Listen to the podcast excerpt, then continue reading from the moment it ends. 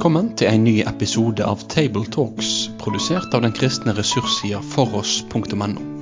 På foross.no får du tilgang til tusenvis av solide, oppbyggelige og korsforankra ressurser.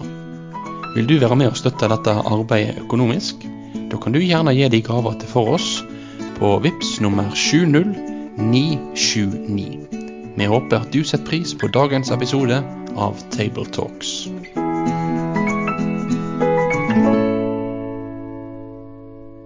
Da ønsker vi velkommen til en ny episode av Tabletalks. Og denne gangen så er det Trondheimsgruppa som eh, får den glede av å samtale om søndagens tekst. Eh, vi har ikke vært samla på lenge. Eh, siste opptak var faktisk for et år siden. Så nå er vi her igjen, eh, og det ser vi fram til både nå og får gjøre det utover eh, våren. Og dem som er Trondheimsgruppa, det er Eh, Lars Olav Gjøra på Go-It-senteret i Trondheim.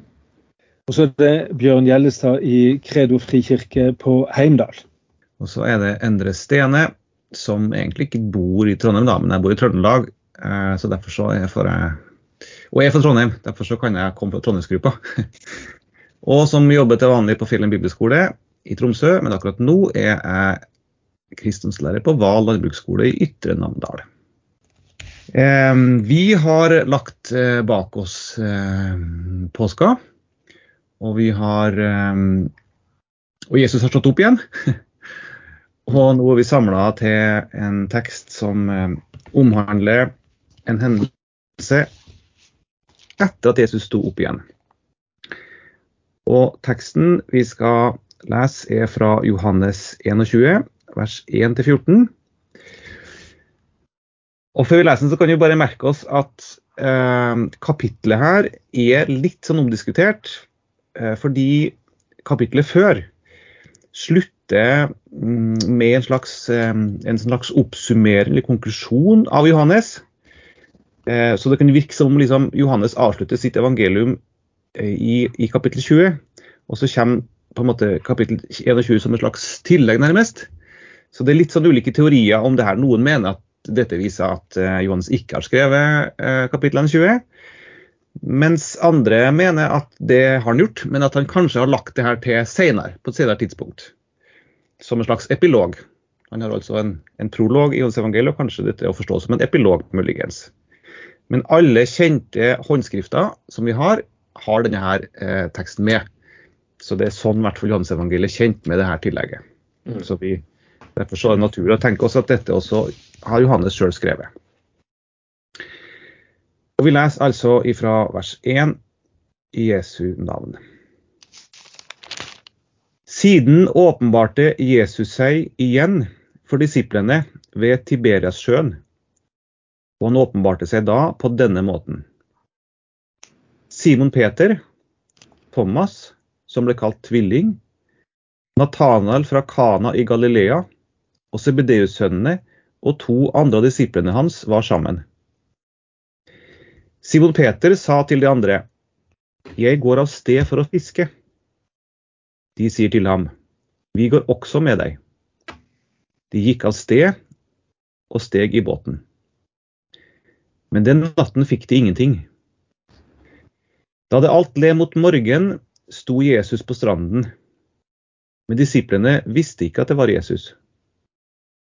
Jesus sier da til dem, Barn, dere har vel ikke noe å spise til brødet? De svarte ham nei. Han sa til dem, Kast garnet på høyre side av båten, så får dere fisk. De kastet det da ut, og nå maktet de ikke å trekke det opp. Så mye fisk var det. Den disippel som Jesus elsket, sier da til Peter, det er Herren.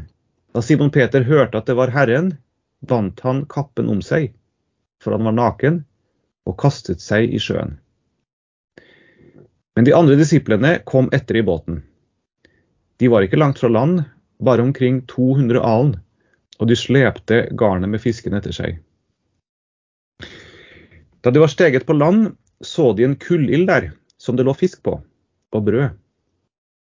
Jesus sier til dem, Kom hit med noe av fisken dere nå fikk. Simon Peter gikk da om bord og dro garnet på land. Det var fullt av stor fisk, 153 stykker.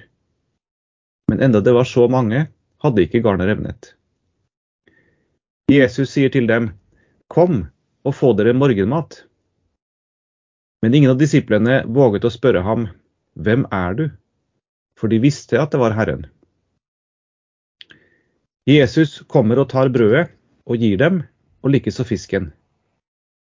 Dette var tredje gang Jesus åpenbarte seg for disiplene etter at han var reist opp fra de døde.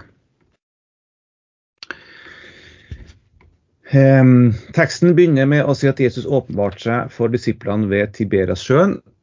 Tidligere åpenbaringer etter oppstandelsen var i Jerusalem. Dette er altså uh, første gang hvor han åpenbarer seg i Galilea. Og Tidligere så har, han, har hans åpenbaring handla om å vise dem at han er oppstått, og sånn styrke deres tro på han. Denne gangen så har Jesu åpenbaring en annen valør. Det er til noe annet han ønsker å formidle med åpenbaringa. Um, han åpenbarte seg på denne måten, kolon. Så får vi opp, får vi opp sju stykker som er, som er å omtales. Og, og, hva tenker vi om de sju her? Hvorfor disse sju? Hvem er disse sju? Ja, to av de er i hvert fall to av de er anonyme, da, så vidt vi kan se.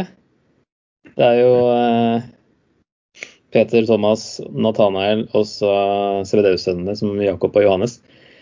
Og så er det to til. Så, men det blir jo sju til sammen, så det kan være en sånn representativ eh, fullkomment tall. å si. At de eh, representerer eh, alle disipler.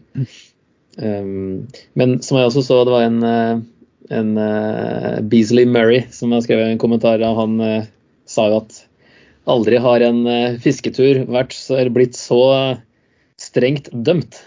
Så hvorfor er de ute på fisketur i det hele tatt?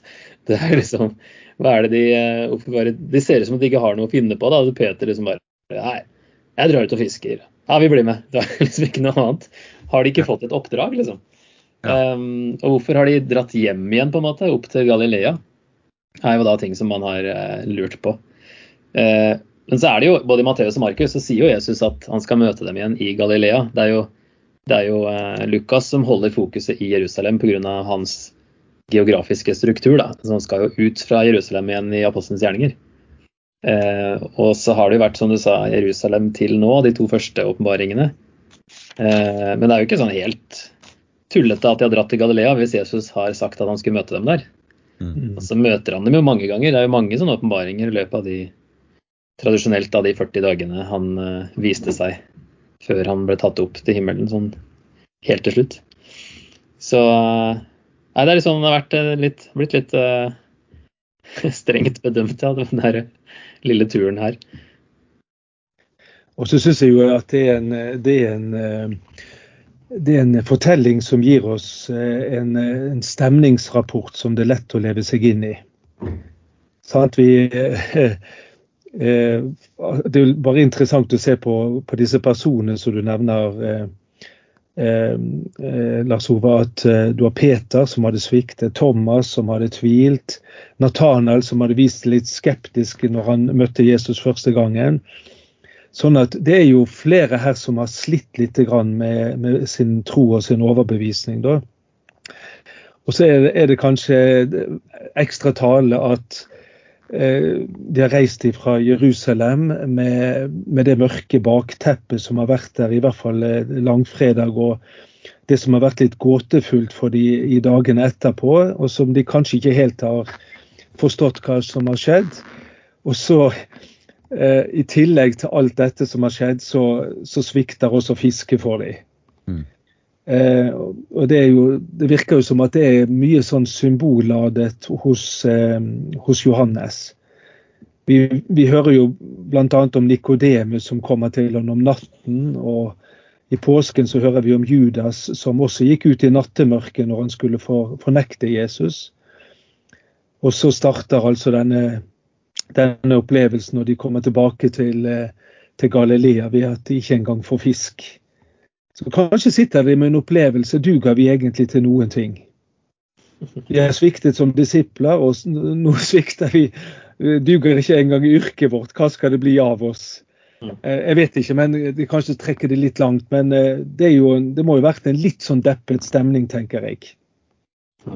Det er jo litt rart at de bare stikker ut og fisker, for de har fått beskjed om, som, som du sier, altså, Lars Olav, å, å, å, å vente på at Jesus skal, skal utruste dem. og så skal og så er de, Kanskje så har de ikke helt skjønt heller konsekvensene av Jesu gjerning, oppstandelse, eller hva som skal skje. De, dette er kanskje uklart for dem også. så Noe må de gjøre, og så prøver dette fiskeriet da, som vi har prøvd før. Og, mm. og som du sier, Bjørn, det funka ikke. Nei. Så det er kanskje litt, litt sånn usikker flokk. Tross Jesu oppstandelse så er også kanskje usikker her, muligens. Får litt inntrykk av at det er litt tonen, ja, eller atmosfæren. At det er litt sånn hva gjør vi nå-stemning.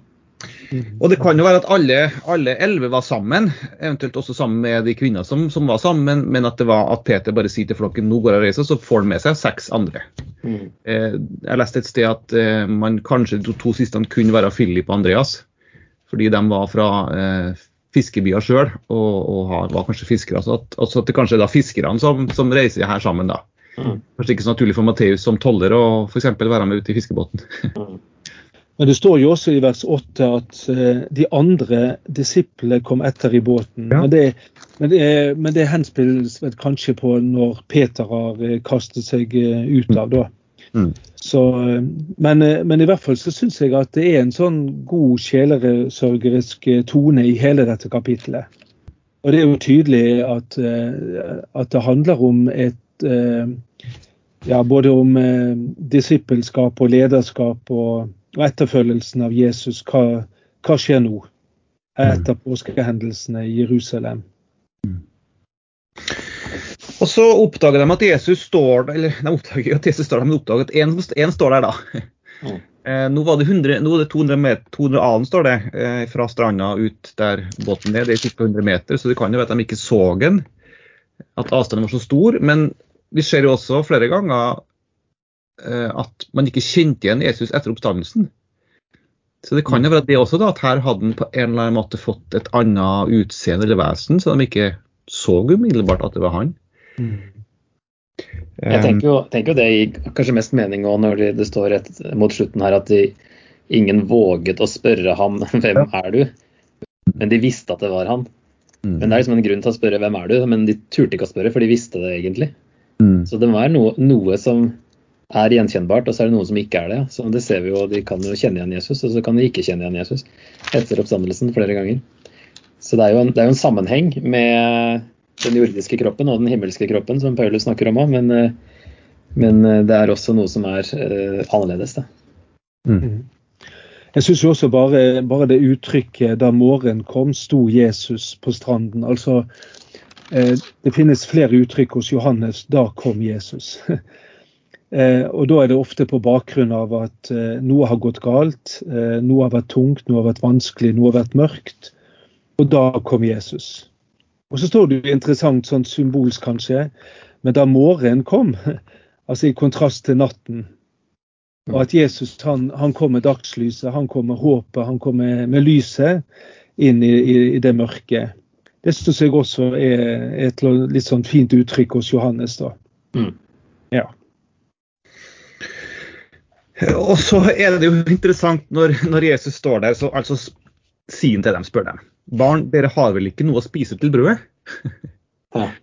Eh, han, han, han, vet at de ikke har noe å spise. Sin, altså han, han, vet hvorfor han kommer, og han vet jo hva som skal skje. Så det er, litt sånn, det er litt interessant å se hvordan Jesus på en måte stiller spørsmål om noe han egentlig vet. Mm. Eh, nesten et lite lurespørsmål. mm. Mens kan det være at han stiller det spørsmålet for at de skal faktisk få lov til å uttrykke sitt behov og sin mangel og sin skuffelse. De er skuffa. Mm. Kan jeg derfor stille spørsmålet, for jeg liksom vil bare få dem til å uttrykke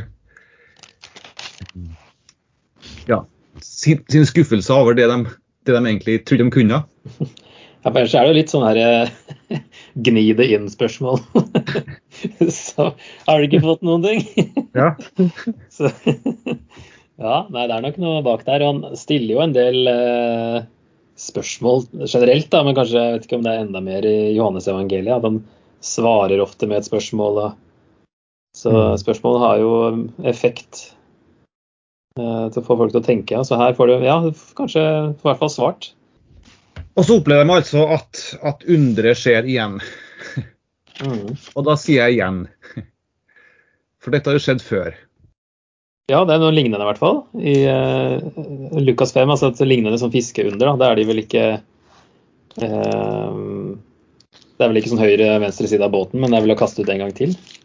Er det ikke det? Mm -hmm. Men det er jo en klar, uh, klar link da, til at du må gjøre det. Og da sier jo Peter òg at ja, på ditt ord så skal jeg gjøre det.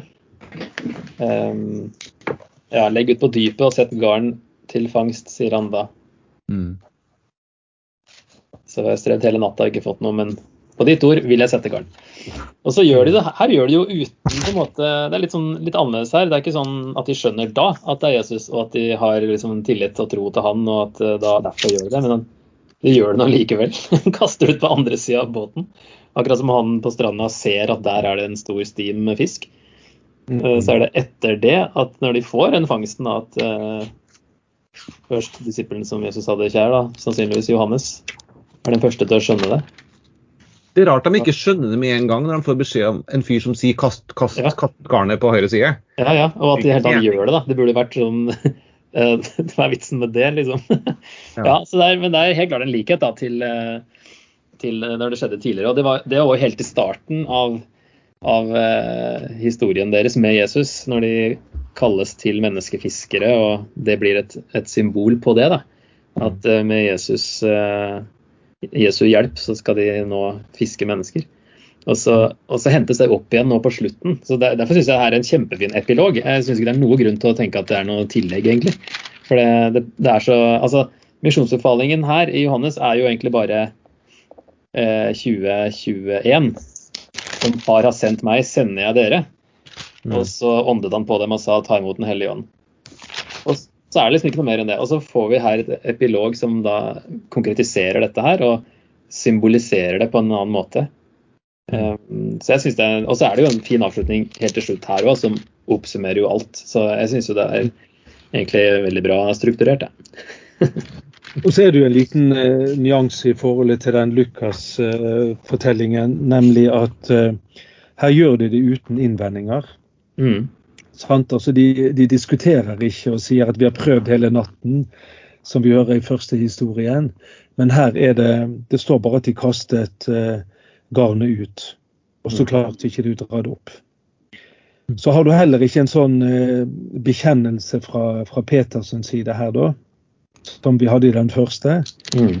Men uh, reaksjonen hans er jo det, den samme, også at han, han hopper først uti og, og skal først fremst til, til, Jesus. Det er også interessant at Jesus sier det er jo på en måte det samme som skjer. Det samme resultatet. Resultatet er fisk. Men det er på to ulike måter. Første gang så skal garnet kastes ut på dypet. Den gangen ut på høyre side. Mm. Og det er liksom som, som jeg tenker at eh, Det sier noe om at Jesus gjør alle ting likt. Eh, tenker på Moses den gangen han får beskjed om å, å, å slå på klippen første gang. Andre gang skulle du ta på klippen, så skulle det komme vann. Ja. Eh, men der gjorde, der gjorde, Moses, der slo Moses to ganger, for det så fikk han da ikke komme inn i, i, i Kanans land. Mm. Det som det sier noe om at ja, vi, mm, vi tenker at hvis vi bare gjør sånn som noen gjorde før, så mm. skjer det samme igjen. Men Jesus ville ikke la seg styre. Gud ville ikke la seg styre oss. Kanskje ligger det også i, kanskje ligger det noe her da, i det. At Jesus gjør det på en annen måte i gangen her, ikke som sist. Mm. Så han, han, han, han, er suveren i sin gjerning.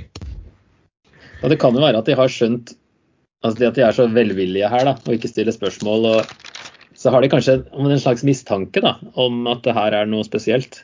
Mm. Selv om de ikke har skjønt helt at det er Jesus før i neste vers. Så Men eh, nei, det er i hvert fall Har på en måte fått uh, mer tillit til folk som sier ting som ikke gir mening. så gjør de det. Så ja. Mm. Og så som vært av verksett undre, det skjer jo ikke Her skjer det ikke bare ved Jesu ord, men det skjer ved at de faktisk handler på det Jesus sier. Ja. Eh, undre skjer gjennom det Jesus ber dem om. Eh, så på en måte er de delaktig i, i i det Jesus gjør. Og det, og det, er kanskje et poeng som vi kan komme tilbake til senere også, hva, hva denne teksten egentlig formidler. Mm. En, en delaktighet fra deres side i Jesu gjerning. Ja. Du har jo det samme når, når, de skal, når, de skal, når Jesus metter 5000 i ørkenen. sant? Mm. Sånn, så sier han jo tydelig til dem at uh, dere skal gi dem mat, men han deler brødet, og så når de deler det videre, så blir det mangfoldig gjort. Så det underet skjer jo rett foran dem, men de er jo ikke i tvil om at det er Jesus som er undergjøreren. Ja, og så skjønner de noen ting, og, og Johannes skjønner det først, ja. Eh, og Simon står at han er naken. Sannsynligvis var han ikke splitter naken, men han hadde sannsynligvis noe undertøy på seg. Som han kanskje følte var ubehøvlet å møte Jesus med, kanskje, jeg vet ikke. Men i hvert fall tar på seg en kappe, kaster seg ut. Ja, litt sånn baklengs av ville tenkt da, hvis han skal ut i vannet. Så tar han på seg klær. Men eh, det er vel for han skulle møte, møte Herren, ja. Ja. Så må han være litt anstendig. ja. Så han svømmer altså på land. Um, og de andre kommer etter med båten og sleper garnet etter seg. Og så er situasjonen altså når de kommer der, så er altså allerede Jesus tent opp uh, et bål, og han har, har allerede med seg fisk. Men ber samtidig dem å komme med sin fisk. Mm. Dette er jo litt sånn rart. Altså For det første altså kunne ikke Jesus ha valgt da, enten la dem komme med fisken, eller ta med fisk sjøl. Mm. Ja. Jeg, jeg, jeg syns ja, også det der er litt tankevekkende. Men eh, bare like, litt før selve fisken kommer frem der, så ja. syns jeg det er in, eh, interessant dette med det at det er et bål der. Mm. Og det er vel, eh, så langt jeg vet, dette ordet med Eller det står jo kullilje, det du leste da.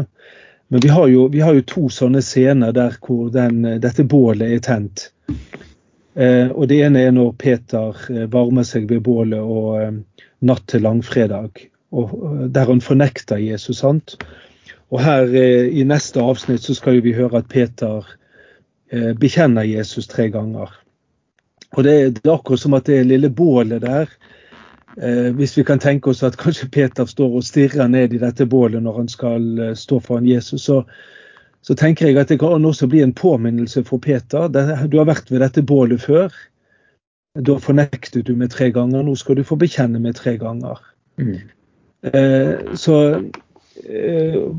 om, igjen så fornemmer jeg at det er noe av dette rike symbolspråket og mange av disse små detaljene som Johannes trekker frem. Og, og noen ganger så er det så veldig talende både at denne historien dukker opp igjen, og at, eh, og at, scenen også virker så veldig lik. Og at det er et måltid. Eh, vi vet jo også at eh, han hadde møtt disse Emmaus-vandrerne. Det var også måltidet som sto i fokus, og som, som var med å åpne øynene deres. Så, så jeg syns både det med bålet og måltidet er, er interessant at Jesus bruker det her. Og ikke tilfeldig, tror jeg. Nei, det, det, ordet brukes bare faktisk i de to tilfellene. Det greske ordet for ja. bål her. Så det tror jeg nok er en ikke tilfeldig, nei. ja, og så litt, litt, tilbake til der jeg var, da. Ja. at, de, at, de da, at, Jesus da har med seg fisk, og ber dem også komme med fisk. Mm. Og, og, og, kanskje også det at Jesus vil si noe om at i, i det kallet som han kaller dem inn i, gjerne kaller dem inn i, så, så kommer også dem med, kommer også dem med det de har fått. Mm. Eh, men det de også har fått, det, det også var en gave. Det var ikke deres gjerning som gjorde at de fikk fisken her, det var hans, det var hans eh, under. Men de kommer med det de har, det de har fått. Og så bringer de det til Jesus, og så har han med sitt inn her. Og så deles dette eh, i fellesskap. Mm. Og så er det også så morsomt å, å, bare legge merke til at de faktisk har telt alle fiskene. Ja, sant. Ja, det har vært mye spekulasjon rundt det, da. Eh, så eh, alt fra en helt jordnær en at Johannes som fisker sjøl bare skrev opp tallet, for det var et stort tall. Eh, og at det ikke var noe mer symbolsk i det. Ellers har man jo tenkt veldig mye rundt om det er noe symbolikk i det. For det ligger liksom an til i Johannes, da. Men man har ikke helt funnet noe som alle er blitt overbevist om, så vidt jeg har skjønt. Så det var vel en gammel en fra Hieronymus på 400-tallet som uh, mente at det var uh, 153 fisketyper i havet. Uh, mm. Og han siterte vel noen kilder på det òg, men når man har sjekka de kildene, så er det vanskelig å få bekrefta det, da. så da vil det være symbolsk på at, representativt på hedningemisjonen, basert alle folkeslag eller noe sånt. Mm. Så, um, ellers er det noen sånne tallverdier fra hebraisk man har spekulert i. Det er mye forskjellig. Så jeg har ikke blitt klok på hva det skal være. Jeg vet ikke hva dere har tenkt. Jeg så jo også, Det var vel en av kirkefedrene, var det Kyril, som hadde, hadde satt at uh, han hadde delt opp i tre. Da tallet 100 det var uh, jødene eller israelsfolket, og 50 sto for hedningene, og, og tretallet for treenigheten så fikk han 153.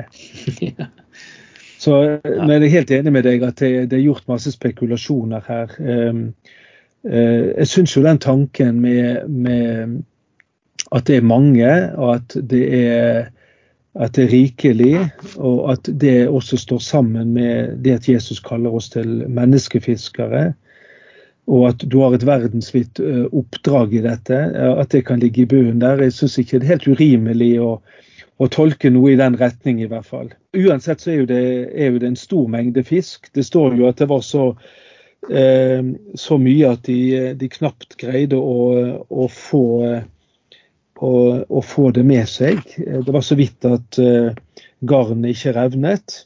Mm. Altså, det, var, det var en rikholdig, det var ikke en liten fangst. Eh, jeg vet ikke om jeg hadde talt uh, fiskene hvis jeg fikk så mange. Jeg syns det er nok Og Når jeg har fått fem, mer enn fem fisk, så, så, er jeg fornøyd med at jeg fikk mange fisk. da. Så, så, men jeg tror at det er noe i symbolet her til, eh, til Johannes. Det, når han har så mye, mange sånne detaljer som han har ellers. da. Ja, og i hvert fall at poenget som du sier da, at det var så mye at de ikke kunne dra det opp. Og du måtte dra det etter båten. Eller etter seg, i hvert fall. da. Ja, de kom etter i båten og dro garnet med fisken etter seg. Men at garnet ikke revna. Ikke sant? Det, det er en kjempefangst, men det er, det er, ikke for mye å håndtere, på en måte. Mm. Det som mm. Jesus her eh, eh, gir dem, da. Og det, er, det, må jo være noe symbolsk hvis vi skal se på fisking som en slags metafor da, for misjon. Som mm. eh, det ser ut som at vi kan gjøre så er det her Jesus kan gi en kjempefangst. Eh, mye mer enn vi klarer i utgangspunktet å håndtere. Vi får ikke dratt det opp i båten på vanlig måte, men, men garnet revner ikke. Det er, det er, noe som ja, noe ligger der, tror jeg, når vi kan mm. tenke, tenke, mer over. Ja, for det er påtakelig at han En ting er at han teller at, at han faktisk har telt og oppgir hvor mange det er, som selvfølgelig som dere sier, helt bevisst fra Johannes. Johannes skriver ikke ting liksom bare tilfeldig. Det er bevisst og så langt jeg leser, jeg leser sånn som dere, altså at her bevisst vil han si at det kallet de er kalt til, som de nå skal utføre, det, det gir overflod. Mm. Eh, og, og, og, og, Kirkens historie har fortalt, har jo vist til at det er en overflod av mennesker som blir fanga. Ja. Men det andre er at, at han også kommenterer at, at garnet revna ikke. At han legger merke til å kommentere det. Mm. Som, som, du sier, Lars Olav, kanskje er det et, et signal fra, fra, Johannes om at det her som blir så stort, at, at, at tross, tross, alle, tross alle utfordringer som dette arbeidet gir, med spenninger og splittelser og kirkesamfunn, så holder Kristus denne, denne store kirka sammen. Mm. Eh, eh, så det, dette revner ikke. Det holder sammen i Kristus. Ja. Og tross alle utfordringer faktisk Kalle har med seg, og misjonen har med seg, mm. så revner det ikke i stykker. Mm. Det er ett. Mm. Jeg syns det er interessant det der uttrykket Du spurte jo i, i sted også dette med hvorfor sier Jesus eh, 'kom hit med noe av fiskene dere nettopp har fått', mens han allerede har en del fisk der. Eh, da tenker jeg jo litt på dette når han eh, To ting får jeg en sånn assosiasjon til. Da. Det ene er når de skulle mette 5000, så ber han de 'kom hit med det dere har'. Eh, og så, så, gjør han et under ut av det. Men så tenker jeg òg når de skal komme her med fisken eh, Hvis vi tenker eh, at det var menneskefiskere de var, så handler jo egentlig alt menneskefiske om å bringe mennesker til Jesus. Mm. Sant? Altså, det er ikke bare å fanges inn for å fange dem for å, for å få en mening eller en tro om noe, men alt alt eh, menneskefiskearbeidet det handler dypest sett om å bringe det til Jesus. Og det, det gir jo, og i det lyset her, mening eh, med det han har sagt tidligere i evangeliet her, at eh, ingen kan komme uten at, uh, at uh, Gud drar på dem. Altså, det er noe med det at han sørger for fangsten som de bare skal gå på hans ord og gjøre det de er kalt til. Så mm. drar Gud fisken og legger den i garnet. mm. Og så er det påtakelig mot slutten her, da, når, når de sitter og spiser sammen, da, så virker det som Jesus ikke spiser. Det virker som det er dem som spiser. Og det virker som, og det virker som, som måltid foregår i stillhet. Ja. og at Jesus ser på at de spiser. Og Kanskje også det er et symbol på, eller et tegn på, at Jesus eh, er usynlig sammen med, sin, sammen samme disiplene. Vil være til stede sammen med disiplene. Eh, eh, Eh, selv om han ikke kanskje alltid opplever sånn, så er han til stede. Han er der. Um, og nå gir dem en sånn synlig tegn på det. Og kapittel, eller, Vårt avsnitt avsluttes med at dette var tredje gang Jesus åpenbarte seg for disiplene etter at han var reist opp fra de døde. Hva tenker dere, hvis en skal liksom oppsummere, hva er det denne her teksten formidler? Hva, liksom, hva dette vil si? Det er jo, det er en klar parallell her til, til, til, til Lukasteksten om, om eh, Peters fiskefangst. Eh, hva, men hva er liksom essensen her? Ja, eh, Jesus eh, er jo det sentrale her i både fiskefangsten og i uh, måltidet etterpå. Så jeg tenker at og det du snakka om i stad, som, som, du kom så vidt inn på med hva det symboliserer, på en måte, det her måltidet de får, og, og, at Jesus Ja, det er mest at han gir dem mat. De er jo sikkert sultne. Det var kanskje derfor òg det var ikke så dumt å dra ut og fiske, for i hvert fall mat. så det er ikke det dummeste å gjøre. Um, sånn at de får i hvert fall Han sørger for alt, da. At uh, både bål og fisk og brød og har fisk på forhånd, som vi snakka om. Og så er det sånn, litt sånn rar atmosfære, får vi inntrykk av. Eh, og de sier jo ingenting heller, disiplene. Så det er liksom bare de kommer og får. Og at, eh, så jeg tenker jo I misjonen, da, som epilogen her nok vil få fram, at Jesus er eh, Som han sa i kapittel 15, da, jeg er vin, eh, det sanne vintreet. Uten meg kan dere ingenting gjøre. Eksemplifisert her. At han sørger for fangsten, som de nå er kalt til å bare gå ut og, og håve inn. Og men også det her måltidsfellesskapet. Da, at de må huske på at han er Altså bli i meg, som han også sier i kapittel 15. Eh, og ha den relasjonen og få påfyll da, nesten fra Jesus i, eh, i oppdraget også. Mm. Så det er en sånn påminning eh, som jeg stadig tenker på, at vi ikke må bli for eh, flinke til det vi driver med, sånn at vi tror at vi klarer det på egen hånd. Jeg tenker også det at eh, det ligger noe i denne teksten om at eh, nå er det en ny eh, fase i disippellivet. Nå har de gått i opplæring, de har fulgt Jesus, de har vært med han helt inn i det svarteste og mørkeste. De har opplevd langfredag, nå har påskedag kommet, nå har oppstandelsen kommet.